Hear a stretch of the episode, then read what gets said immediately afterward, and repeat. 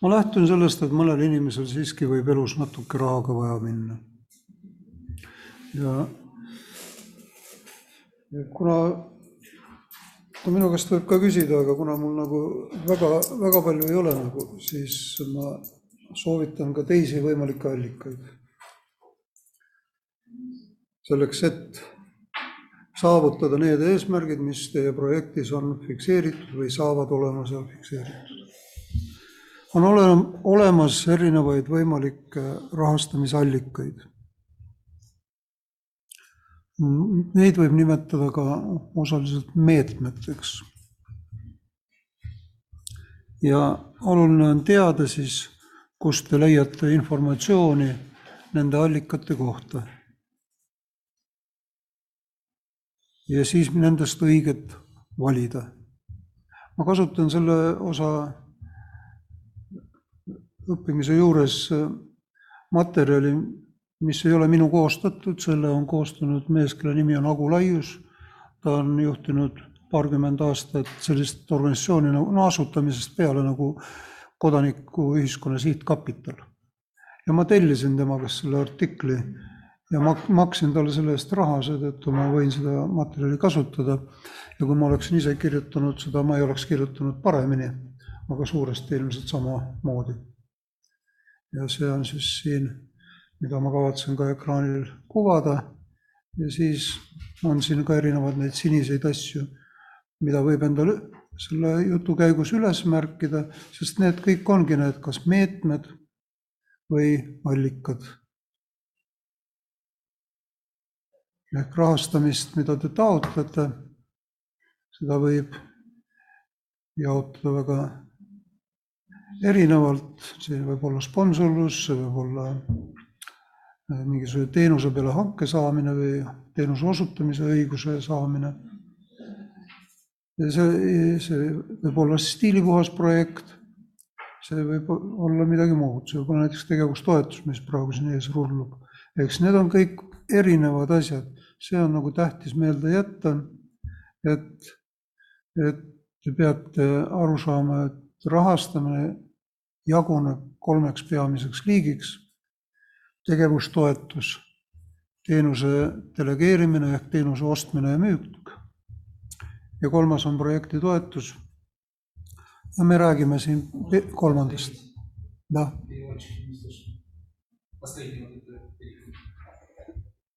eristatakse kolme erinevat rahastamisliiki. on tegevustoetus, on avaliku teenuse delegeerimine ehk teenuse ost ja müük ja projektitoetus. ja ma lühidalt avan need nimetused, aga me keskendume projektitoetusele, nagu see täna plaanis oli tegevustoetust te võite taotleda näiteks, iga kogudus võib taotleda seda, iga MTÜ võib taotleda kohaliku omavalitsuse eelarvest.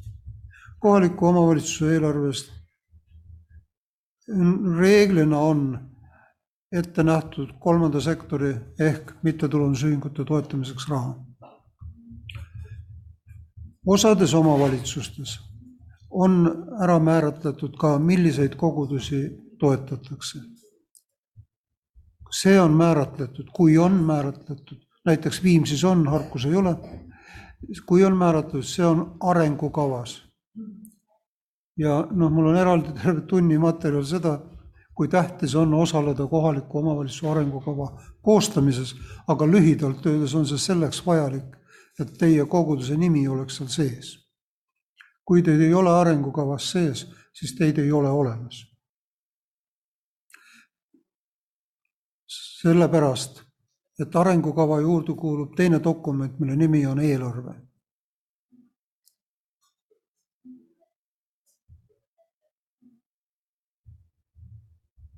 Ja ei tohi rahastada neid asju, mida eelarves ei ole. ja eelarvesse ei jõua need asjad, mida ei ole arengukavas seetõttu arengukavas võiks olla kirjas, et vot selles vallas on kolm kogudust. me eraldame neile igal aastal näiteks kümme tuhat eurot.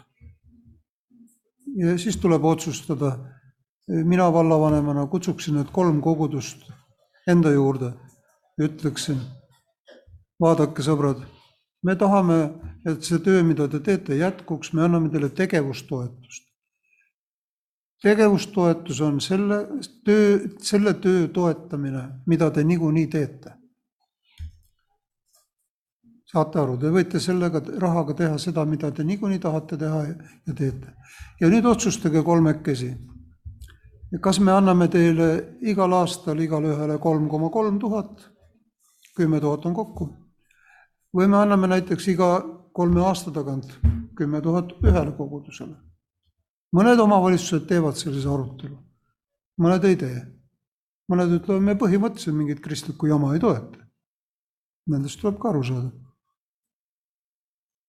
aga eesmärk on, et te oleksite arengukavas sees ja arengukava juures eelarves on näidatud see kümme tuhat, kas see on siis kolme koguduse, viie koguduse või ühe koguduse jaoks sellel aastal, see on küsimus. võib-olla te lepite omavahel kokku, et vot mul on sellel aastal nagu päris hea aasta, ma ei vaja raha, aga ma näen ette, et mul järgmisel aastal langevad mõned püsiannetajad ära, mul on siis rohkem raha vaja. Davai, las las siis nagu uus põlvkond võtab selle aasta toetuse, aga Artur tahab saada järgmisel aastal ja kolmandal aastal anname selle hoopis eh, Mihkli kogudusele Jõhvis. näiteks või vastupidi, aga kui Mihkli kogudus ütleb ei, ei, ma tahan sellel aastal ka saada, siis läheb see raha jagamisele lihtsalt. aga kõige tähtsam on see, et omavalitsusega peab olema hea suhe ja neile peab selgitama, miks me oleme vajalikud, ehk pidada neid lihtikõnesid, sest valitsejatel tavaliselt pole aega kuulata teie kahekümne leheküljelist projekti ettelugemist või midagi muud taolist. mis sa tahtsid teha, kui esimese asjana tundub, et see meie arengukavaga kooskõlas, no siis võib seda arutada ka pikemalt. kui tundub, et ei ole, siis ta sulgeb kõrvad ja mõtleb teisi mõtteid ja vaatab, millal te lõpetate, ütleb aitäh, et tulite. nägemist. nii et see oli nüüd tegevustoetuse kohta. teine asi on avaliku teenuse delegeerimine. ja see tähendab mingisuguste teenuste pakkumine. avalik teenus, on olemas selline asi nagu KOKS, kohaliku omavalitsuse korralduse seadus. selle seaduse paragrahv kuus minu teada määratleb ära, millised teenused on kohustuslikud omavalitsusel oma territooriumil osutada. kui te leiate sealt äh, sellise, sellise teenuse, mis teie organisatsiooni põhitegevuse ja eesmärkidega kokku sobib, näiteks nagu noh, minu poolest kas või lastele huvitegevuse pakkumine või lapsehoiu korraldamine üks kuni kolm vanuses või midagi veel. või kodukülastuste läbiviimine eakate juurde. siis te võite öelda, et näete, selline tegevus on selles vallas kas vähe kaetud või on raskesti kättesaadav või et teie sotsiaaltöötajad ei jõua kõiki vanureid külastada, aga meil on nagu koguduses vabatahtlikke, kes võiksid seda teha teeme lepingu. Ja kui läheb õnneks, siis võib kohalik omavalitsus sõlmida teiega teenuse osutamiseks lepingu, mille eest tema tasub. kohalikule omavalitsusele jääb vastutus selle teenuse eest, kuna ta vastutab, siis tal on õigus teie poolt raha kasutamist kontrollida ja ka selle teenuse kvaliteeti ja kättesaadavust kontrollida. kas siis selle raha see sõltub, kuidas teil on üles ehitatud. Te võite võtta inimesed ka tööle, nad võivad olla, kui sellest rahast piisab, te võite luua koguduse juurde kaks töökohta näiteks või noh, ühe või ma ei tea palju.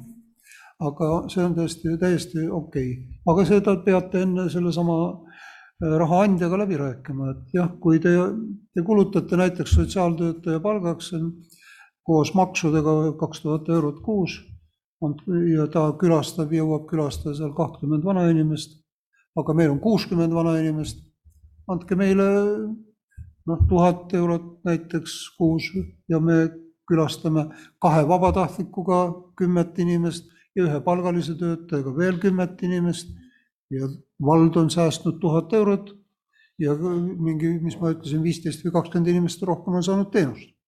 no mõistlik, mõistlik vallavanem ütleb, et see on ju okei okay raha, miks mitte. ma saan odavamalt kätte ja kui ma saan veel kvaliteetselt kätte selle teenuse, on ju väga hea. sest ma pean seda niikuinii osutama.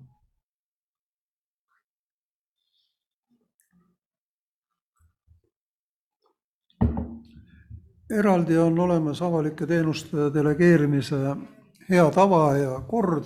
Need on kättesaadavad äh, nii Kodanikuühiskonna Sihtkapitali kui, äh, kui äh, Siseministeeriumi kodulehekülgedelt. kui seda võtta nagu püsiva tööna kogudusele, nii inimeste elu parandamiseks kui omale finantseerimise saamiseks, siis tasub nende dokumentidega kindlasti seal enne toimu, toi-, tutvuda. et nagu näete, siin Laius ka kirjutab, et tuleb jälgida, et teenus delegeeritakse võimekale organisatsioonile nii, et teenus on jätkusuutlik ja kvaliteetne ja selle eest peab maksma seda sooritavale ühingule õiglase hinna ja väga närutada ei ole mõtet, väga alla turuhinna ei ole mõtet pakkuda. siis küsitakse, et miks see nii odav on, et võib-olla sa ei tee seda piisavalt hästi või sul ei ole kvalifitseeritud inimesi või oled muidu imelik. Kui sa ütled, et jah, vabatahtlik tegevus on meil väga au sees, siis okei okay,, seda, see on nagu argument. aga muidugi hakkab rahastaja mõtlema, las ta siis teebki vabatahtlikult. kas tal siis seda raha vaja on? nii et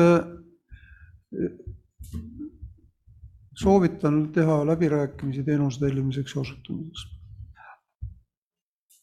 aga ma jah, seda,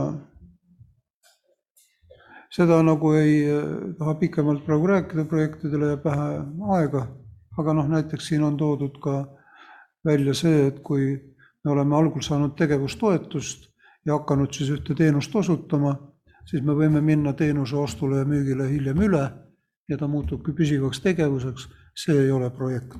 no püsiv tegevus, mis siis ilmselt iga-aastasest eelarvest hakkab raha saama, aga võib juhtuda ka nii, nagu meie lapsehoiuga Harku järvel juhtus, et äh, vald ehitas oma lasteaia valmis ja meie järgi enam ei olnud vajadust ja meie käest enam ei ostetud seda teenust siis. et olukord lihtsalt muutus. siis tuleb ümber mõelda, nii nagu see minu onu ütles, et kui sul see elu mõte ära kadus, pead leidma uue elu mõtte või uue ülesande. nii et kindlasti on meil kõigil ka mingi omatulu kogudustes, mis on väga hea ja seda on ka vajalik, sest seda omatulu on vajalik eesmärkide elluviimiseks.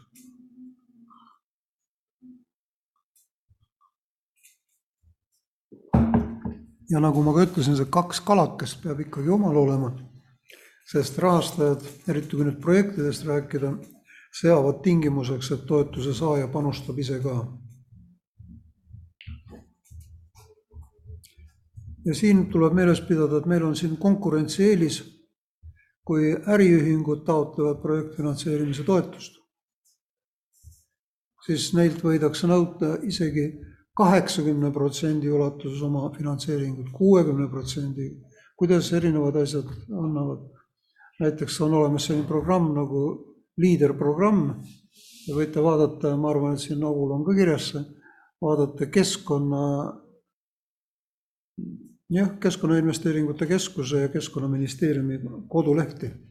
liiderprogrammi kaudu jagatakse päris palju raha, seal on kindlad põhimõtted jälle, kuidas ja seal jagatakse äriettevõtetele ettevõtluse toetuseks raha, aga nad saavad siis oma näiteks tahab endale kombaini osta ja maksab kaheksakümmend protsenti ise, kakskümmend antakse juurde, võib-olla antakse ka nelikümmend. aga mittetulundusühingute puhul on see, et antakse üheksakümmend, no kaheksakümmend, üheksakümmend ja isegi üheksakümmend viis. et see on meie konkurentsieelis. aga meil peab olema see viis või kümme protsenti ja seda võib saada liikmemaksudest, annetuste kogumisega või sponsorlusena, kui siis mõni ärimees leiab, et meie mõtted sobivad tema omadega ja ta tahab seda toetada või ta tahab, ütleb, et ma toetan teid, aga kleepige minu organisatsiooni logo siis oma pildiraami peale, kui ma need tellin teile või selle kombaini peale, mille te ostate. seda te ilmselt teate, et need liikmeannetused ja muudki annetused, need on vabad maksust kui organisatsioon on kantud tulumaksuvabastusega organisatsioonide nimekirja. Ehk siis ei pea lisama, see annetaja teab, et see annetus on vaba. kui see ei oleks vaba, siis oleks nagu, tal tekib tõrge. no mis ma nüüd, ma maksan ju riigile kõik oma maksud ära ma tahan kogudust toetada, ma pean veel lisamaksu maksma. mis te jamate? Õnneks riik on sellest aru saanud see ei ole kogu aeg nii olnud ja on sellise tulumaksuvabastuse kehtestanud. Hetkel ei mäleta protsenti täpselt. noh, tähendab üks osa, ta ei tohi annetada kogu oma tulu, ta võib annetada teatud protsendi oma tulust tulumaksuvabalt. no sotsiaalne ettevõtlus oli asi, mida ma võib-olla räägiks eraldi pikemalt, aga see on siis, kui kogudus või MTÜ hakkab oma tooteid ja teenuseid pakkuma tasu eest, aga ta ei tee seda kasumi saamise eesmärgil. see ei ole MTÜ-dele lubatud, vaid ta teeb seda sotsiaalse muutuse saavutamise eesmärgil. et, et elu läheb paremaks piirkonnas, et lapsi on võimalik kuskil hoida, emad saavad minna tööle, purjus inimesed ei vedele tänaval, keegi kogub nad kokku, pakub neile rehaprogrammi või midagi muud nii et see on siis sotsiaalne ettevõtlus. Ja, ja, ja me rääkisime siis tegev, tegevustoetusest ja teenuse delegeerimisest. kõige olulisem meie jaoks oli täna projektitoetus. ja see on siis nagu jutt oli kindla eesmärgi saavutamiseks ajas ja ruumis piiritletud ühekordse tegevuste kogumina, mis peab jõudma mingi lõpuni see peab olema määratletud, et nüüd on eesmärgid saavutatud. Mis tähendab seda, et kui te kirjutate sedasama ühte lehekülge, mis ma rääkisin, kus on eesmärk, eesmärki palun mitte kunagi sõnastada tegevusena. et meie eesmärk on, et meie kogudus saaks aidata lapsi või meie eesmärk on, et meie külas saaks inimesed hästi läbi. Või ei, eesmärk on see seisund, mille te saavutate, lapsed on hoitud, inimesed saavad läbi mitte need tegevused, mida te teete, need te kirjutate järgmisse peatükki tegevuste alla. siis on võimalik seda ka vaadata, kas see on saavutatud. kui ma ütlen, et ma teen oma haljasala korda, siis on see nagu natukene keeruline mõõta, kui korras see haljasala on. aga kui ma ütlen, et haljasalale rajatakse neli tulbipeenart, igaüks kahekümne tulbiga ja kaks pinki puhkamiseks, siis see on väga mõõdetav ja kui ma olen selleks raha saanud, et kaks pinki seal oleks, aga ma panen ühe, siis küsitakse minu käest, miks sa nii tegid.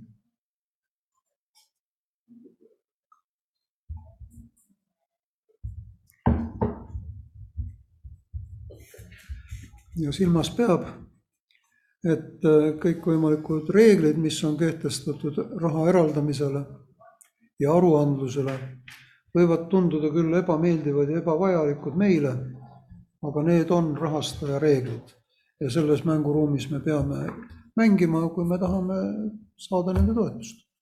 nii lihtne see on ja kui me neid reegleid rikume, siis me, variant üks, me ei saa toetust, kui me oleme valesti täitnud oma taotluse. või kui me anname halvasti aru, siis me teinekord ei saa ja võidakse nõuda tagasi ka need rahad, mida me oleme saanud, osaliselt või täielikult peame saavutama oma eesmärgid, sellepärast on oluline olla saavutaja, mitte tiksuja. nii. noh, näitena on siin öeldud näiteks, et kui me, kui me ütleme, meie tegevus on koolitus, aga eesmärk on, et kümme töötut, kes koolituse läbivad, saaksid tööle, siis pärast loetakse nad pead üle kas nad said, alati ei tea, aga muidugi lõtk on lubatud, see on selge. et sada protsenti ei ole võimalik prognoosida, eriti nii ebakindla sihtrühmaga, nagu on töötud. aga, või siis noh, ka teise, kas ähm, Lootuse naistekülast nagu kindlasti sada protsenti ei rehabiliteeru, ei saavuta tulevikus perekonnaõnne ja töökohta ja oma eramaja koos lambakoeraga.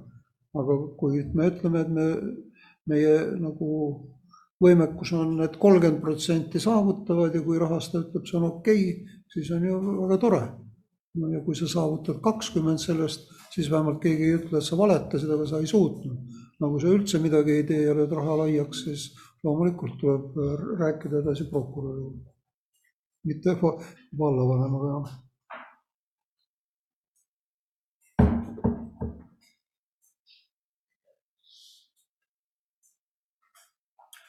no kui on projektitoetusteks, tavaliselt on konkursid, mingi konkursid ja voorud. näiteks äh, mingisugune konkurss, mis mulle võiks nüüd meenuda. näiteks Kodanikuühiskonna Sihtkapitalis on arenguhüppe konkurss. organisatsioonid ja kogudused sealhulgas, nad on ka organisatsioonid, võivad taotleda selleks toetust, et läbi viia arenguhüpe, et nende organisatsioon töötaks tulevikus millegi poolest paremini, saavutaks midagi enam. siis seda saab sealt taotleda ja te ise seate eesmärgi, mis peaks näitama seda, et te olete selle arenguhüppe läbi teinud. tavaliselt selleks on see, et teie organisatsioonil on teatud arengukava, tegevuskava, eelarve, et võib-olla on vaja põhikirjad üle vaadata, võib-olla on vaja struktuur üle vaadata alluvussuhted, mitmed teised asjad. kui see ja siis, kui see konkurss on välja kuulutatud, tavaliselt on, jaguneb ta voorudeks, no kõige lihtsam on öelda kevadvoor ja sügisvoor. näiteks on, on kodanikualgatuse konkurss kus kodanikud, ka üksikkodanikud ja rühmad võivad tulla projekti taotlusega välja väikese summa peale, mõni tuhat. ja see on tavaliselt sügisel ja kevadel, sama sihtkapitali all. ja seda tehakse koos omavalitsusliiduga. ja omavalitsusliidu juures on omakorda, seda tasub meelde jätta, iga omavalitsusliidu või suurema omavalitsuse juures on arenduskeskus või arengukeskus, ta on eri linnades eri nimega aga mõte on sama. arengukeskus, arenduskeskus. igal alustaval ettevõtjal, igal koguduse juhtorgani liikmel või igal projektijuhil on õigus saada tasuta nõustamist sellest arenduskeskusest, kuidas konkreetne projekt valmis kirjutada. tutvustakse, mis tingimustele ta vastab, sama jutt, mida mina praegu räägin, kuidas. aga sellele, seda on võimalik mingi arv tunde, mida ma peast ei mäleta, tasuta saada kindlasti tasub ära, kui ta ei lähe just päris projekti koolitusele. sest see koolitus, mida mina nüüd täna nelja tunniga läbi viin, on tegelikult mõeldud kaksteist kuni kuusteist tundi. siis ma igast asjast räägiksin, peaksin rääkima veel nagu üksikasjalisemalt, kui ma seda praegu teen.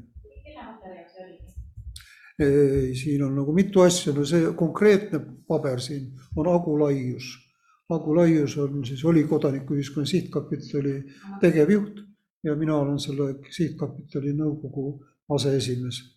ehk mitte täitevorgan, vaid kontrolliv ja eesmärke seadev organ. jah.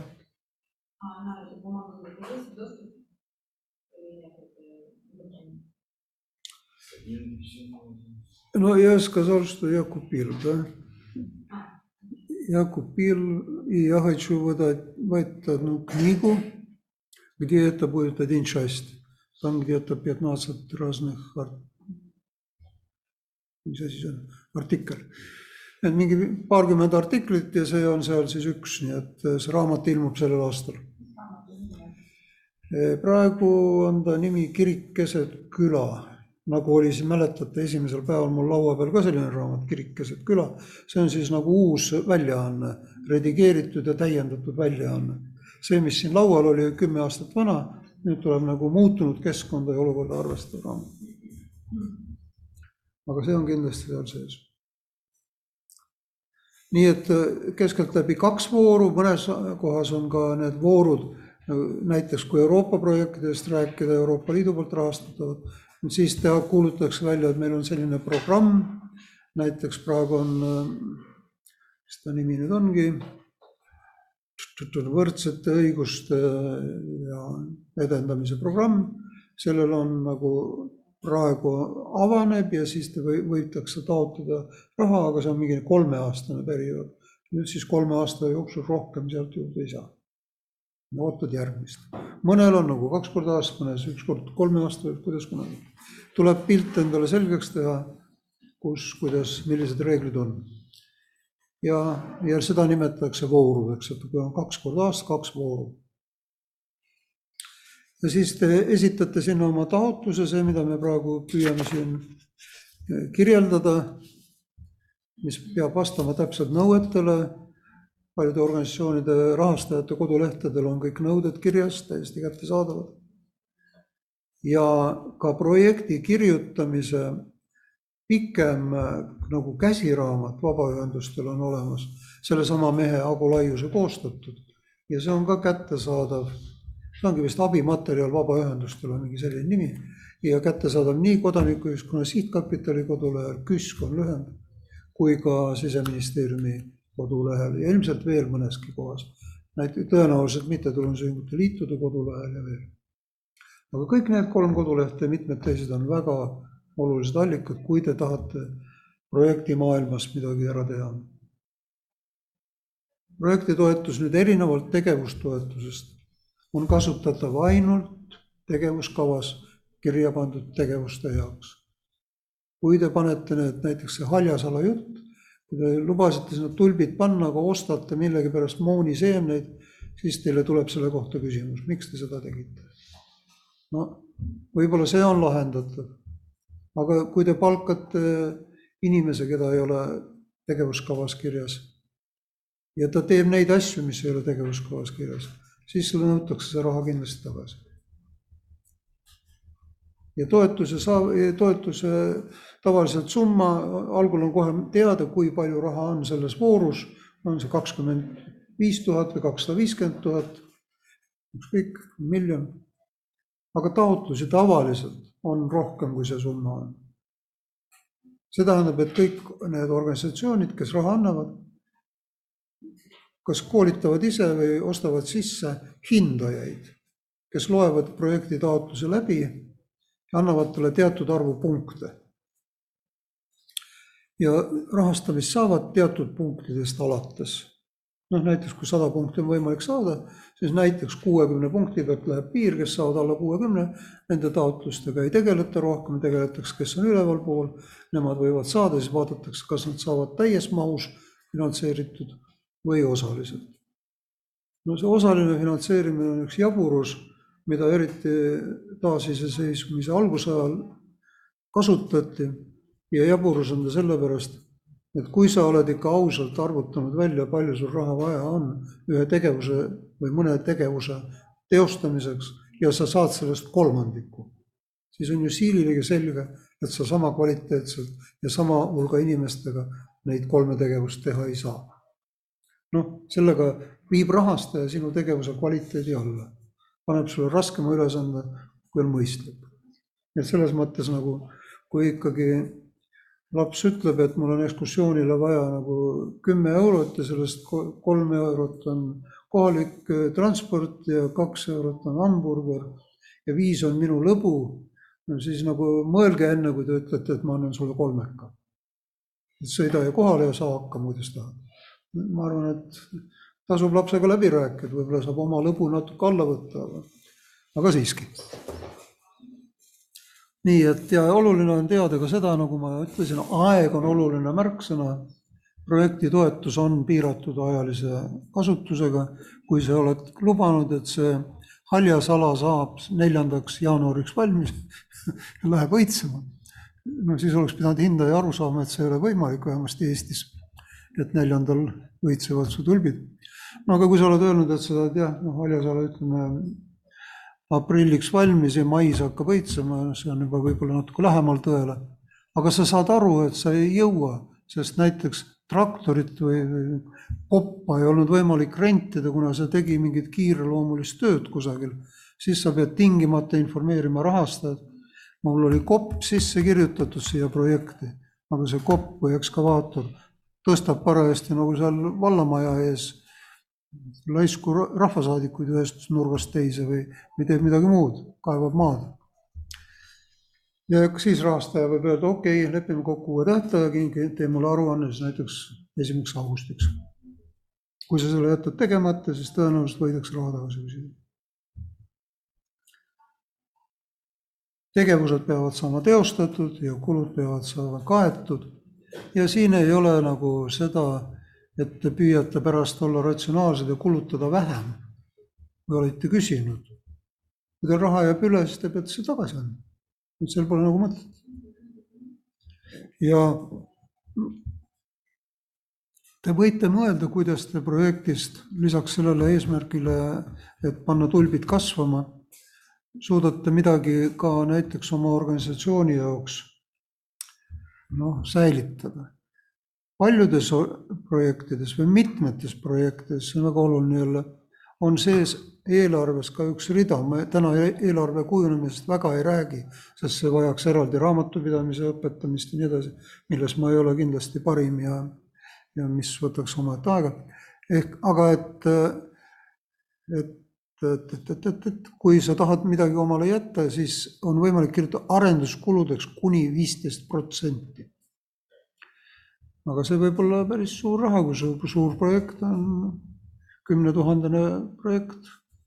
viisteist tuhat viissada eurot on viisteist protsenti. Ja selle, selle kohta ei nõuta aruandlust. sa kirjutad, et viisteist protsenti ma kasutasin arenduskuludeks, aga kas sa tegid sellest kellelegi koolituse, kes peab arenema ja targemaks saama või sa tegid koosoleku ja ostsid kohvi ja küpsiseid või mida iganes, siis see, see ei ole rahastaja asi enam kõigil seda ei ole, aga alati peab vaatama, kas see võimalus on, sest see on kasulik. teine võimalus on, ma ei nimetaks seda nagu peidetud raha saamiseks, aga siis tal on mõningaid selliseid tunnused. näiteks te võite, kui teie projekt näiteks, teie, kui, kui, kui minu, minu kirikus töötab MTÜ Kogukonnakeskus ja ma osutan selle MTÜ kaudu, kus on samad inimesed, kes koguduses, laste huvitegevuse teenuseid, siis ma võin sellele MTÜ-le osut-, rentida tegevuseks ruumi, kas ühe saalikirikus või kogukiriku teatud kellaaegadel ja siis arvutama, kui palju protsente minu ekspluatatsioonikulust näiteks läheb, kulutab tema tegelikult, see MTÜ ja selle panna nüüd projekti taotluse eelarvesse sisse. et siis kas ekspluatatsioonikulude katmine või otsene rent. ja selle saab ju kogudus omale. kui saite pihta, saate aru, sama ka kui näiteks FIE tegutseb minu ruumides, kui, koguduse üks juhatuse liige on FIE, no siis on muidugi keeruline, kui ta on juhatuse liige, sest juhatus ei saa teha tehingut oma liikmega. vähemasti, vähemasti peab seda väga põhjendama aga on mingi koguse lihtliige või koguse lihtliikme ämm või siis ta võib FIE-na tegutseda koguduses ja maksta, kui tema projekt saab rahastust, selle teostamise eest renti kogudusele. nii et sellised, sellised lood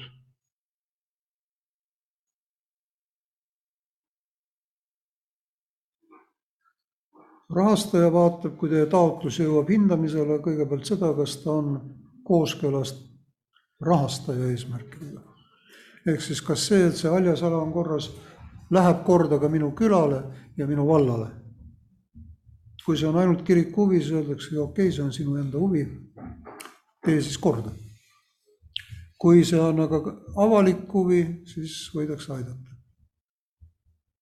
avaliku huvi mõiste on muidugi väga veniv mõiste, aga ma soovitan äh, kirjutada, kui teil on siis mingi MTÜ seal koguduse juures või teil endil, kirjutada sinna sisse, et see MTÜ tegutseb avalikes huvides, juba põhikirja ja kindlasti projekti taotlusse. no mis see avalik huvi siis on? see tähendab, et see ei ole ainult äh, projekti tegija huvi, et see haljasala saab korda.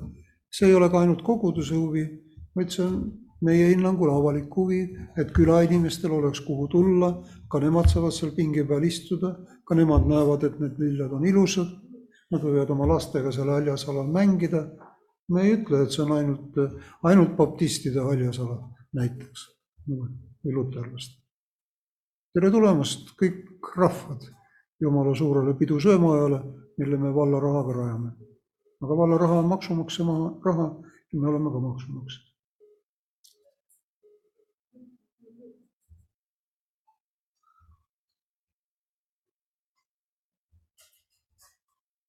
Nii et sellised lood selle projekti rahastamise ja hindamisega ja rahastuse taotlemisega. hindamiskriteeriumid ja kord on määratletud, need on kättesaadavad, need on kirjas. Te peate neid jälgima, jälle niisugune nipp või asi on sisse kirjutada projekti taotlusse kohaliku omavalitsuse, kui te nende käest küsite, või siis riigi arengudokumentides olevaid ridu. ja isegi ei pea ümber kirjutama, isegi ei pea loominguline olema, mida vähem, seda parem. see peab olema täpselt seesama. ehk siin on nii nagu bakalaureuse töös, et mida rohkem tsiteerid, seda parem. aga doktoris pead juba ise mõtlema ja kirjutama, mis uusi asju välja tooma nii et nagu ma meenutan, et projekti taotlus peab olema viienda klassi lapsele arusaadav, millega ma ei alahinda vallavalitsust või projekti hindajaid. mõne, mõned ei ole isegi seda võimelised.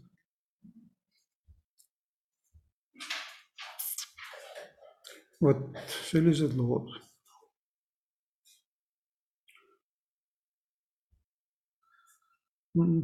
rahastajad kohalikust omavalitsusest ma rääkisin. liiderprogramm on see, mida ma ütlesin, et Keskkonnainvesteeringute Keskuse ja, ja Maaeluministeeriumi kodulehel leiab infot. liidergrupid on noh, üle Eesti laiali, ma ei mäleta, palju neid on, tosina jagu, nagu meie praoskondi umbes. näiteks mina kuulun minu kogudus ja minu tegutsemisala kuulub ühele liidergrupi territooriumile, mille nimi on Nelja valla kogu. see on Harku, Kiili, Saku, Saue. ja see Nelja valla kogu siis koosneb nende valdade esindajatest, see kogu komplekteeritakse avalduste alusel, liikmed maksavad liikmemaksu, aga seal on reegel ma ei mäleta täpset suhtarvu, aga et omavalitsuse töötajad ja vabaühendused ja ettevõtjad oleksid kõik esindatud. no ta on umbes viiskümmend, viiskümmend, aga täpselt ma ei mäleta.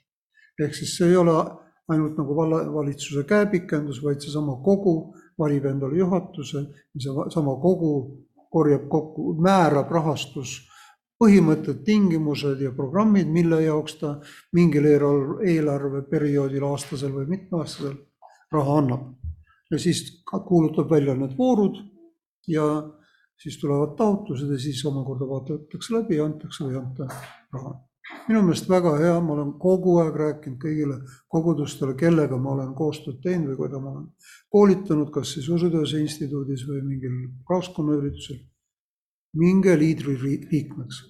maksate viiskümmend euri aastas, aga te võite saada noh, viissada, no viissada tuhat vast ei saa, aga viiskümmend tuhat täiesti vabalt aga te muidugi peate kõiki tingimusi täitma. et äh, tasub investeerida algul viiskümmend eurot aastas ja pärast siis see viis protsenti või kümme protsenti omaosalust ja saada selle eest ehitada endale, ma ei tea, kas tööriistakuur või lasteaed või mis asi. kõiki neid asju on ju vaja. et kõige lähemal on siis omavalitsus, liider, siis on kopp ehk kohaliku omaalgatuse programm. no see on äh, väike raha, nad annavad kindlasti mitte üle kolme tuhande, aga pigem nagu tuhat viissada, kaks tuhat on see summa, aga see on just sellise haljasala kordategemise summa, sellise väikeste asja. ja täpselt jälle vaadata, mis on reeglid, mis on nende programm, mis on nende eesmärk. Ja sellele vastavalt kirjutada.